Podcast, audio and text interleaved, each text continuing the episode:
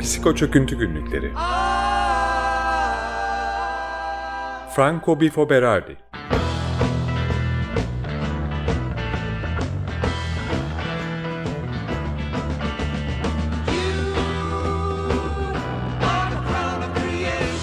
Çeviren ve okuyan Serhan Ada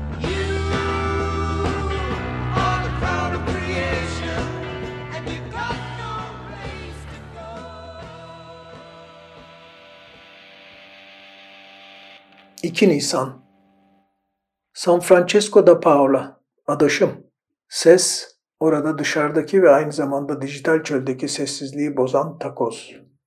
Muammalı, yoğun bir tefekkürün ardından böyle yazmış arkadaşım Alex.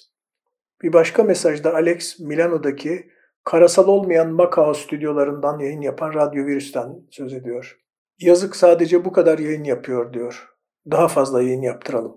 Onu buradan dinleyebilirsiniz. Lombardiya bölgesiyle merkezi hükümet arasındaki polemikler ver yansın. Sorumluluğun ötekine mi berikine mi ait olduğu araştırılıyor. Bunu Renzi ve Salvini gibi sinik hesapçıların yapıyor olması şaşırtıcı değil. Onların işi başkalarının başına gelen talihsizlikler üzerinden spekülasyon yapıp kendilerini göstermek. Ne var ki bana göre şu an için fuzuli tartışmalar bunlar.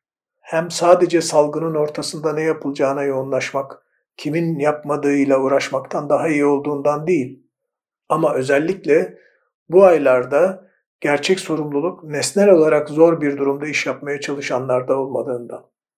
Sorumluluk son 10 yılda ve aslında son 30 yıldır Maastricht'ten bu yana emeğin maliyetini özelleştirip budayanlarda.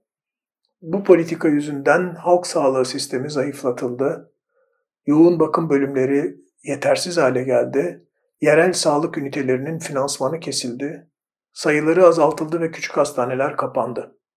Bu hikayenin sonunda kabahat bir memura ya da bir yöneticiye yüklenmeye çalışılacak. Sol sağı ve sağ solu suçlayacak, tuzağa düşmeyelim.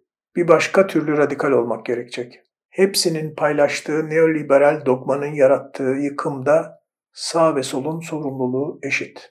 Ve özellikle kaynakları şu anda bulundukları yerden bulup halk sağlığına araştırmaya yöneltmek gerekecek. Ve askeri harcamaları keskin biçimde budayıp bu parayı topluma yöneltmek gerekecek. Otoyollar, demiryolları, su gibi kamu mallarını sahiplenenleri tazminatsız kamulaştırmak. Artan oranlı refah vergisini getirmek. Bu program pekişmeli, yayılmalı, dernekler, kişiler ve kurumlar da dahil olmalı. Psiko Çöküntü Günlükleri.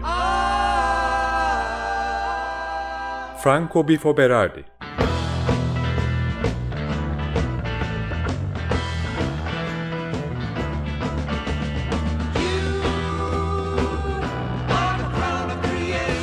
Çeviren ve okuyan Serhan Ada